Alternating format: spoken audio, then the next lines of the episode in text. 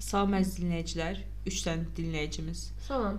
Aytəçilan Prometein yeni bölümündə, ə, yeni epizodunda hər birinizə yeni bölüm bir serial zadıq. okay. That's not funny. Ə, Bilirəm.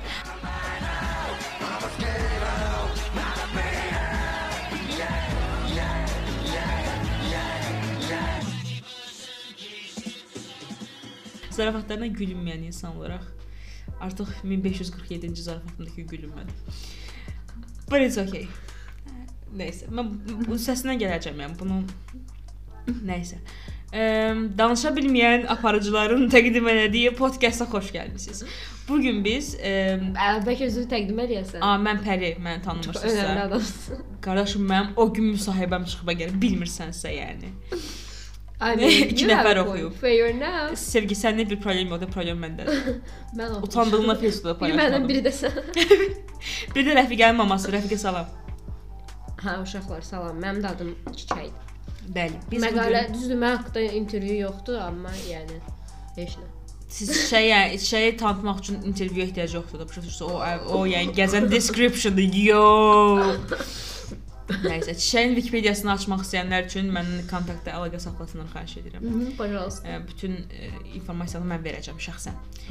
Bilirik ki, gündəmdə son dövrlər biraz biraz yox, kifayət qədər çox kədərli mövzular yer alır. Bu mövzuların əsasında intihar dayanır və bu mövzuların əsasında yenə qadın hüquqlarının pozulması və əslində birinci burada e, biz nəsə qadınlarla bağlı bir şey deyəndə o saat bizə hücuma keçirlər ki, nəyə görə yalnız qadınlardan danışırsınız? O kişilər yoxdurmu? Əlbəttə ki, valideynləri tərəfindən çox təzyiqlərə məruz qalan ə, oğlanlar var.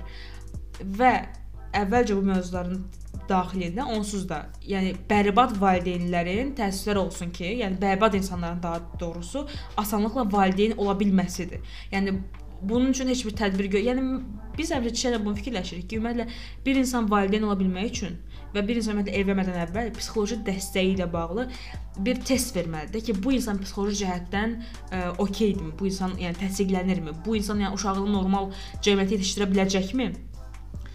əsəb bu ikinci dəqiqədə mən əsəbləşdim. Nəysə.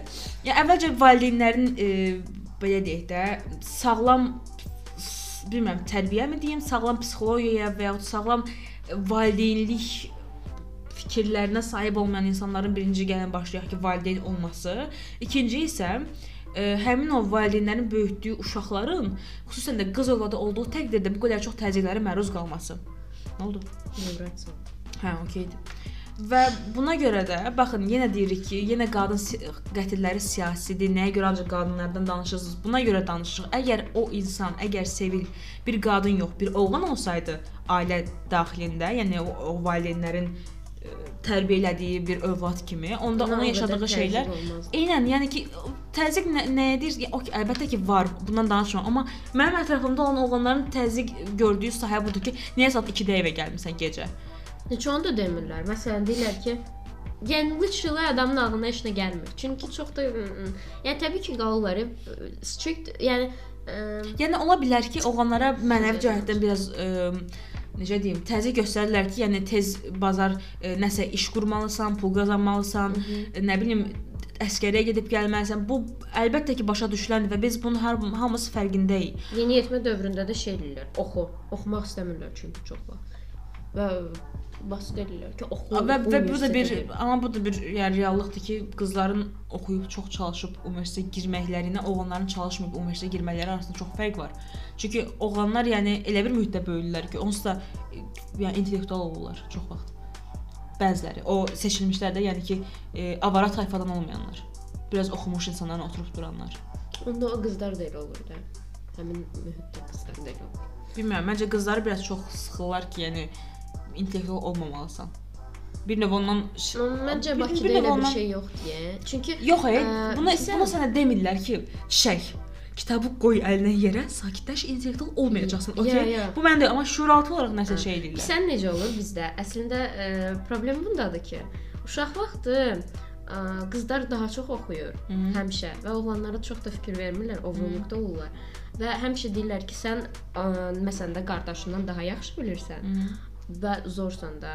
Amma sonra böyüyəndə necəsə olur ki, universiteti bitirirsən, nə bilim, e, minlə alıb bir doktorski verib qutarmısan, Və şeydir də sən amma ə, Kifayət deyilsən. qoy bilirlər. Bütün yəni uşaqlığın boyu səni daha üstün tutublar. Çünki sən daha sənə deyildilər ki, həmişə sən ağıllısan. Çünki sən uşaq olanda, başa düşdün, ailənin belə deyək də, sən uşaq olanda sənə bir məna daşımırsan da, yəni bir namus və qeyrət kimi. Böyüdükcə o qorxu artır atalarda. E, və əgər böyük qardaşın varsa, böyük qardaşında. Əgər yəni o men o mentallıq varsa da onlardakı, "A, bacım mənim qeyrətim" falan. Onda artıq o belə deyək, mentallıq onları o qədər üstələyir ki, bir növ sənə bir şəxsiyyət kimi yox, sənə yalnız bir m, məfhum kimi baxırlar ki, onu sənin üstünə yükləsinlər ki, mən görürsən qızıma necə davranım ki, qeyrətimi qoruyum. Yəni bu uje məsələ olmamalıdır da. Problem bilsən də nədədir? Universitetə daxil olsalar belə, yəni onu dəstəkləsələr, belə nə qədər də dilləri universitet oxu, nə bilim təhsilli ol falan. A, Ya onun ar- arxasında belə dayanır ki, universitetdən müəllimlik oxu da, ya da ki, nə bilim, həkimlik. Heç Ə, həkimliyi də qoymur. həkimliyi də çox həkimlik balı çoxdur, sənin beynin üçün deyil, məsələn. Mhm. Qadın hüquqlarından danışanda yazıçılardan danışaq. Yazıçılardan danışmayaq. Ə, internetdə görürsüz, Sevil qızın adı Sevil idi deyə. Cəfər Cabbarlının Sevili ilə çoxlu müqayisə olunur. Ona görə də elə biz də düşündük ki, bu gün biraz Cəfər Cəfər Cabbarlının əsərləri haqqında danışaq. Çünki ə, səhv eləmirəmsə 6 pyesi var. Ola bilər. M, Səhv, yəni Cəfər Cabbarlının Əlimizin altında internet var, amma biz özümüz burada biabr biabr demək istəyirik. 6 olmalıdır. 6 olmaz, biraz çox olar bəlkə də. Mən demək istədiyim o idi ki, Cəfər Cabbarlının əsərləri əsasən ə, bir bir neçə əsərləri ə, qadın hüquqları ilə bağlıdır. Və ona görə də biz bu gün həmin o pyeslərdən danışacağıq. Onların arasında ə, və çoxsunun adı, çoxunun adı elə qadın adlarıdır. Məsələn, Almaz, Sevil, Bərsənət Dilbər, Dilarə. Gülzar, Vəfalı Səriyə, bunun kimi pyes əsərlər, pyes və yəni pyesləri. Və biz Aynanın sayəsində Almazın hətta tamaşasını görmüşük. Və inanılmaz biz qrupla getmişdik deyəsən. Yox. Hə, Qrupla getmişdik. Yəni inanılmaz bir həqiqətən performans, ah, performans. Solğun çiçəklər. performans. Solğun çiçəkləri mən oxumuşam. Mən də oxumuşam. Amma yadımda deyil, çünki deyəsən deyil. 8-ci sinifdə oxumuşdum. Anladım. 8-ci sinifdə şey, əlbəttə ki, bizim heç birimizin xəbəri olmur çox vaxt bu kənarda qalmış məktəblərdə. Amma biz kitabxanadan olaraq kitab götürə bilirik. Bilirəm, sizin üçün təzədir. Amma sən demə biz lisedə oxuyan oxuyanları demirəm də. Belə qıraqda bucaqda qalan məktəblərdə oxuyan mənim kimi misal üçün. Yəni bizim kitabxanadan kitab götürmək hamıda şok effekt, effekti yaradırdı. Yəni sən kitabxananın yolunu tapdın. Hmm. Sən həqiqətən bunu elədin. Yəni hamı bəlkə də bu kitabxananın yolunu bilir, amma yəni ki, oraya heç vaxt getmək istəməyiblər də. Yəni mən ona görə bir anlatdım ki, Yalnız da bizim məktəblərdə bibliotek, e, kitabxanalar çox da məşhur deyil. məşhur deyil və amma orada çox yaxşı şeylər var, yəni nəşrlər var idi. Ola bilər. Amma məsələn bizim 110 mən 115-ci məktəbdə oxuyanda getdim ilk günlərdə e, kitabxanaya. Sən Yox, elə belə əllə qırmışdım. ha, okey. Hə, getdim kitabxanaya və bir dənə normal kitabları Aleksandr Dumanın 3 muşketyoru idi, başa düşdün? Başqa heç nə tapmadım da mən orada. Özü köhnə-köhnə şeylərində, başa ə, nəşrlərin.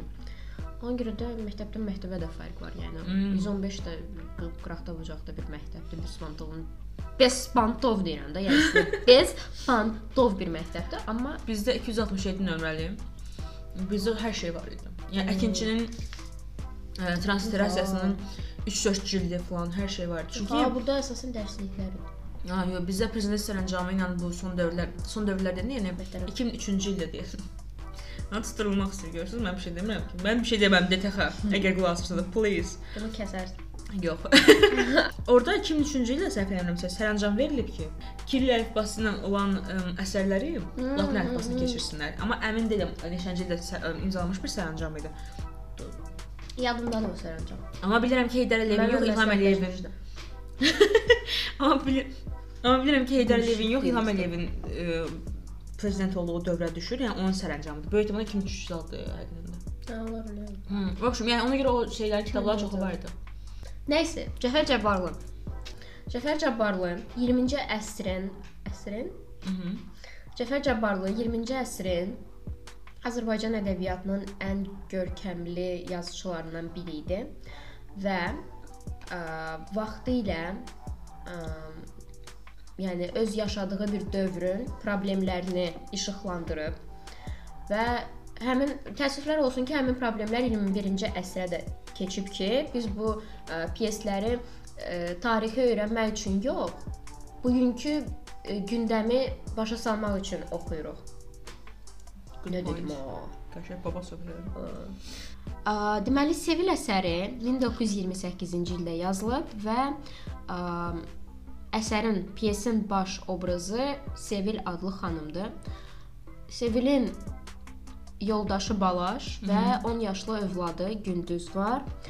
Sevil və Balaş ə, belə deyək, məcburən evləndirilib də səhv eləmirəmsə. Daha sonradan öz həyat yoldaşına qarşı diqqətini belə deyək, itirmiş və gözü çöllərə çöllərdə gəzən bir insanın həyat yoldaşının daha sonradan ə, Sevili bezdirməsi və Sevilin bunlara dözə bilməyib, yəni bu hörmətsizliyə dözə bilməyib evindən qaçması. Qaçması deyil də, yəni təhsil almaq üçün xaricə getməsi ə, mövzusuna aiddir və daha sonra Sevil ə, xaricə təhsil alır.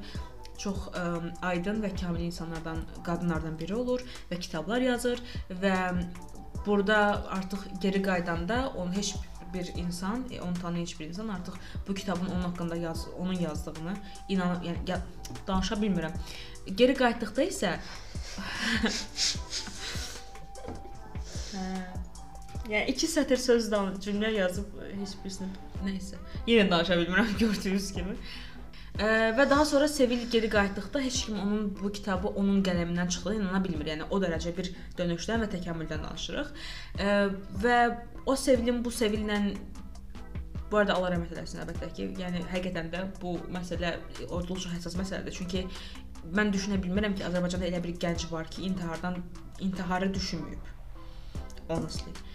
Və və bu heç də gözəl bir hal deyil və bilirik ki, iqtisadi məsələlər olsun, sosial məsələlər olsun, ailə daxili təzyiq olsun və yaxud ə, nə bilim məktəblərdəki ə, bu necə deyim, nə deyirlər o, nizam intizamsızlıq səbəbi ilə uşaqların bir-birinə qarşı törədikləri bullinqlər olsun ki, biz bunu 2-3 il əvvəl yaşadıq Elina ilə. Yəni bu kimi məsələlər yəni bitmək bilmir və bilirik ki, bir çox cəmiyyətdə bu belədir. Bəli. Biz deyə bilmərik ki, Azərbaycan utopik bir cəmiyyət olacaq, utopik bir ə, millət, ölkə olacaq. Əsasən postsovet ölkələrində belədir də. Yəni bullying Amerikada da var. Var. Avropada da var. Amma Yəni postsovet ölkələrinin bir oxşarlığı var ki, hamısının. Olduqca qara qadına belə döz deyirlər, başa düşdün hamısı. Yəni onlarda biraz o Yəni I'm free, I'm şey yoxdur da, başa düşdün? Dözməlisən. Free will. Eynən, əslində belə deyək də, Amerikada və Avropada olan bullying hamıya qarşı bullying var. Yəni oradakı insanların kobudluğu hamıya qarşıdır. Belə deyə bilərik.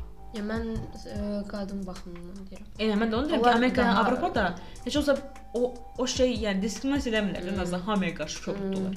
Azərbaycanda və ya digər sən demiş postsovet ölkələrində isə biraz m, biraz biraz Məsələn, deməzdim, biraz çox qadına qarşı biz yenə diskriminasiya. sevildən qaçdıq. Nəysə də, hə, bu sevildən o sevili bağladıq da. Hə.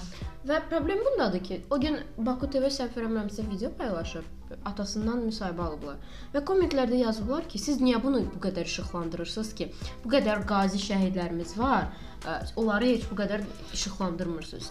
Bu Ə, tamamilə bu, bu da şeydir, yəni ki, Bu e, Baku TV, daha doğrusu Baku TV deməzdim. Bu e, o insanlardakı telefonun e, səs yazmasını açıb tualetə tutursan ki, danış. Yap, yap. Yəni, yəni bununla bir fərqi yoxdur. Tamamilə tupoy, cahil bir fikrincə fikirdir və mən bununla kateqoriçki protivəm. Fləftin Azərbaycanda əsəbləşdim, unutdum da yəni. Bəs siz nə səbəblə danışdığınız dil hansıdır? Sual, günün sualı. Big question. Hı -hı. Yəni çi- qazi, şəhid, okey, yəni onlara heç kim bir söz demir və mən düşünürəm ki, ə, dövləti bilmirəm, amma biz tərəfindən, yəni sadə vətəndaşlar tərəfindən çox böyük hörmətlə qarşılanır bu mövzu. Düz deyil, düzdür. Ona görə də qadın hüquqları ilə nə bilim qazi şəhidləri bir tutmayın. Çünki bu tamamilə başqa problemlərdir. Siz demirsiniz axı ki, məsələn, ə, yollar pisdir, demirsiniz axı, nə olsun yollar pisdir. Bizim qazi şəhidlərimiz də var. Yəni eyni bir şeydir də. Ölkədə tamamilə min dənə problem var. Yəni ə, qazi şəhid var deyə di- digər problemləri biz aşağılaya bilmərik və qadın hüquqları bura, bura daxildir. Və qazi və şəhidlərimizin olması onlara qarşı diqqətin olmaması. Bu nə problemdir? Yəni bu da cəmiyyətin problemidir, düz deyil və sən cəmiyyətin bir problemini işıqlandıranda digərinin üstünü ə, örtməklə cəmiyyəti daha gözəl bir yerə çevirə bilməzsən. Yəni I'm sorry, əgər problem- bunlar, əgər qazi və şəhidlərə daha çox diqqət ayrılmanı istəyirsəniz, onda bir zəhmət bunu öz şikayətini daha fərqli yerlərə çatdır. Nəinki ə, Ümumiyyətlə o problemi adamdan soruşmaq lazımdır ki, qazi və şəhid ailələrinə hansısa bir ə, nə eləmisən, kömək eləmisən? I think no. Talk about that. Let's talk about that. Mhm. Nəysə. Ə, hər şeydən əvvəl ə, nə deyirdim? Hə, gənc ondan sonra bilirik ki, dünən deyəsən 2001-ci il təvəllüd təvəllüdlü bir tələbə də Sumqayıtda intihar edib dəniz atıb üstünə. elə intihar- məlum, məlum deyil. İntihar məsələlərinin davam eləyəcəyini göz mən gözləyirəm. Çünki bir növ sevilin bu qədər çox ə, vüsət, yəni sevil mövzusunun ümumiyyətlə bu qədər çox yayılması ə, digər gənclərə necə deyim? Gəncləri buna təşviq eləyir. Təşviq eləyir yox, yəni insanlar bunu propagandadır. Yəni sən bunu Yo, yo, deyil, əlbəttə ki, deyil. Yəni, Yəni- buna belə baxmamalısan ki, a, o intihar eləyibsə, deməli mən də eləyim. Yadda düşürsə biz birinci kursda oxuyanda bir dəfə mətbuat şurasının konfransına getmişdik və orada hamının çox yaxşı bildiyi bir e, saytın media qurumunun rəhbəri çıxıb dedi ki, biz təcavüz hadisələrini görə işıqlandırırıq? Axı o qədər çox deyil. Və birinci kursunda səfərləri baxırlar. media qurumlarının Mən medianın ikiyüzlüyünü həqiqətən mən Insta Instagram biyomda Onsuz da yəni biz onu jurnalistikadır. Hypocrisy-də Biz onsuz da fakültədən başlayırıq. Yəni fakültədəki uşaqların I'm sorry, but this is true. Yarısı 200-lüdür. Yəni onların da gedib hardasa işləməyi o deməkdir ki, həmin media qurumu da 200-lüdür. Ona görə yəni nə deyəsən ki, onsuz da Yəni məsələ bundan ibarətdir ki, ümumilikdə intihar hadisələrinin işıqlandırılması, işıqlandırılmaması bununla bağlı həqiqətən heç bir şey deyə bilmərik çünki bu çox dilemmalı mövzudur. Hmm. Yəni işıqlandırılmalıdırmı, işıqlandırılmamalıdırmı? Amma ümumiyyətlə gəlin baxaq görə gənc intiharları, gənclər nəyə görə intihar eləməlidir axı? hmm. E, yəni söhbət gənc qızdan və ya gənc oğlandan getmir. Ümumiyyətlə gənclər nəyə görə intihar eləməlidir? Gənclər intihar eləyirsə bu ölkədə inkişafdan söz gedə bilər. Çünki ölkənin faktiki olaraq gələcəyi məhv olur. Yəni hər insan bir potensial bir nə bilim şirkət rəhbəridir və yaxud da ki hansısa ə, elmi dərəcəyə icad sahib Mhm. insandır və yaxud nə bilim müəllimdir, həkimdir, bilmirəm fizikdir, bir şeydir. Yəni lap fəhlədir tutaq ki, amma o bizə kömək eləyir və Mhm. o da bizim cəmiyyətimizin dəyərli bir parçasıdır. Mhm. As well as we are, yəni ki, biz də işsiz gənclər olaraq. və çox xahiş edirəm əgər, əgər bizi elə bir intihara yönümlü bir insan dinləyirsə, Əslində məsələ bundan ibarətdir. Yəni, həqiqətən həyat onsuz da gözəl bir yer deyil, çətindir və bunu həyatı özün üçün necəsə gözəlləşdirməlisən. Çünki başqa bir yolu yoxdur. Əgər yalnız pis tərəf və mən e, 7 saat, nə bilim 7-24 e, demirlər. Yəni 24 saatın 25-26 saatı çortda olan bir insanam. Yəni fikirləşsəm mən bu dəqiqədə problem taparam ki, məsələn oturmalıyam. Valorant yüklün Valorant oynayın. Eynən, məsəl üçün özünüzə hobbi tapın, bir şeylər eləyin. Yəni Yəni, ə, ya da ki ə, professional bir dəstək köməyə alın. Ən önəmlisi. Və mən çox istərdim ki, bilmirəm, var Azərbaycanda ya yoxdur, qaynar xəttlər olsun və Var. pulsuz olsun. Var, var, var, var, var. Wait, wait a minute. E, 860 qaynar xətti var. Burada 106 sözlükdə Qasim paylaşıb bunu oldulardan. Zorakılığa məruz qalmış şəxslərə psixoloji dəstək nömrəsidir. Sıraca ağız burun əyməyin, hökumətin layihəsi yox, BMT-nin Azərbaycan nümayəndəliyinin proyektidir. Bu komandada bir-birindən gözəl psixoloq qadınlar çalışır və həqiqətən yardımçı olurlar, zəng yardımçı olurlar. Deyir, əgər ə, konturunuz yoxdursa belə Bakı şəhər nömrələrinə pulsuzdur və əgər konturunuz yoxdursa, zəng edirsiniz ki, sizə geri zəng eləsinlər. Ə, belə. Yəni bunu yayaraq kömək Çünki edə mən həqiqətən bilərsiniz. yadımdadır ki, yəni bizdə Rusiyada oxuyanda məktəbə ə, bir nə bilim hansısa müddətdən bir gəlirdilər. Ə, hansısa pulsuz zəng şey var idi xəttdə. Hmm. Və onun nümayəndələri gəlib deyirdilər ki, əgər siz evdə və yaxud da ki məktəbdə psixoloji zorakılığa məruz qalırsınızsa, bizə yığın və belə bukletlər verirdi. Və çox olurdu. Məktəbdə hər yerdə verirdilər biz onu. Və mən hətta ə, yarım zəng eləyirdim. yarım zarafatçıl, yarım da belə ciddi bir dəfə zəng eləmişdim. Oh. Və həqiqətən mənlə bir yarım saat bəlkə danışdı qadın. Wow. Düzdür, birinci soruşdu ki, mənlə zarafat eləyirsənmi, eləmirsənmi? Nə bilim, mən danışdım ki, məktəbdə mənim qiymətlərim aşağıdır, ona görə özümü pis hiss edirəm, nə bilim. Və yəni bu çox gözəl bir şeydir. Çünki əgər bu mənim uşaqlıqda yadımda qalıbsa, deməli nəsə mənə təsir eləyib də. Çünki ım, hər şey yadda qalan bir şey deyil. Hə. Çox danışdıq. Amma amma biz əsas mövzuya gəlmədik, yəni ona girişə bilmədik. Çox ətrafından. Nəysə Sevil, Cəfər Camal. Cəfər Cabbarlı.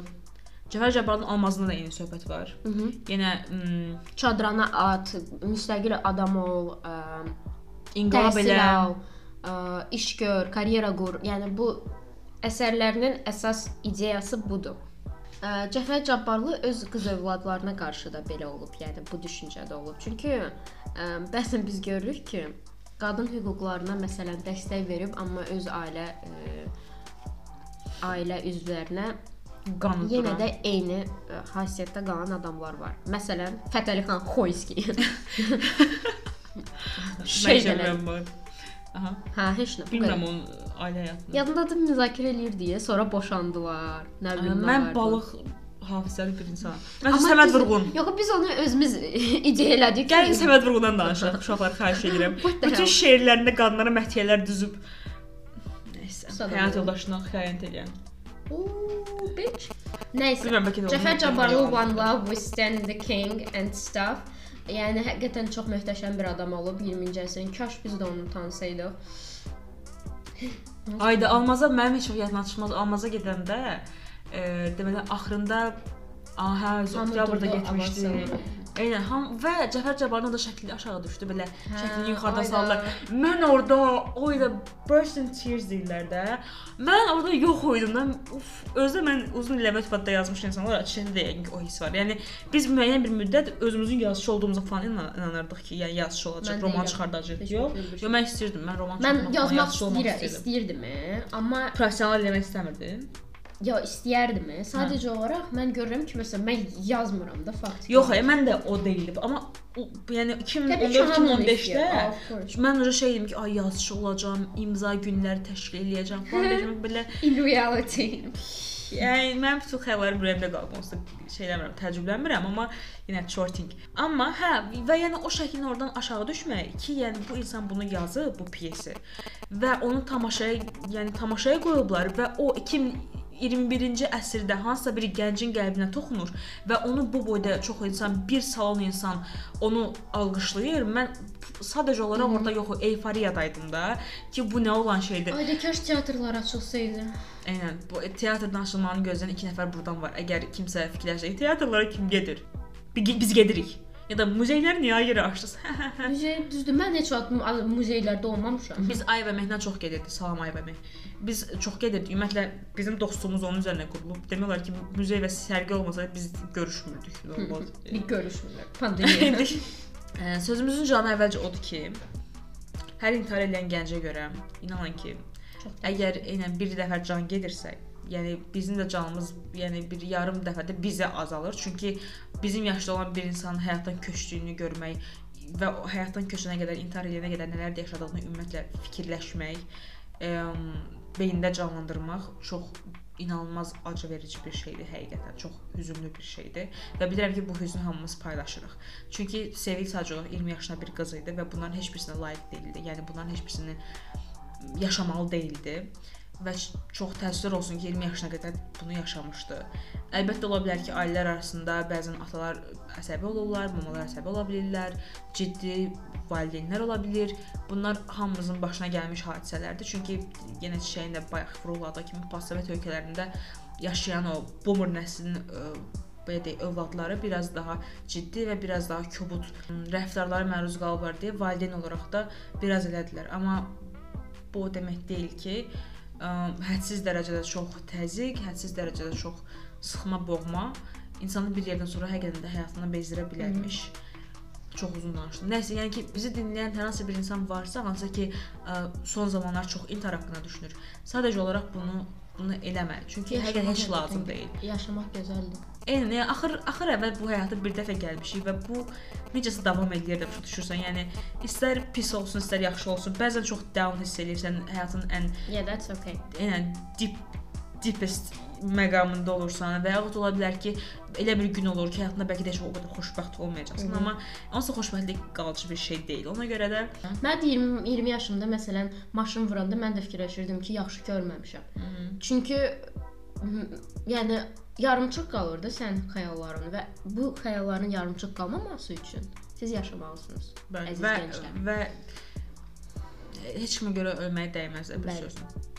Mən bu qədər demək istəyirəm uşaqlar. Çox sağ olun bizi dinlədiyiniz üçün. Ə, Əgər sizin fikirləriniz varsa, buyurun, şərhlər bölməsində yazın. Amma, amma ə, qadınları pisləyən bir şərhlər görsək, silib sizi blok atacağıq. Təşəkkür edirik. Yox, sürməyəcək, söyləyəcək. Aha, digərlərin digərlərdə pin eləyəcəyik ki, hamı söysün. o dərəcədə. Yox, mən eləmirəm ki, biz dinləyən hansısa bir insan qadınlara qarşı olsun məsələn. Mənə də elə gəlir. Amma nə Bizim ətrafımızdakı insanlar qızıl. Yo. 'Cause you're so golden. Nəysə.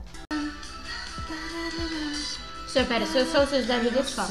golden. Mənim sözlərim bu qədər. Hə. Mən bəxtləmişəm sözlərimi. Sağ ol. Sağ olun.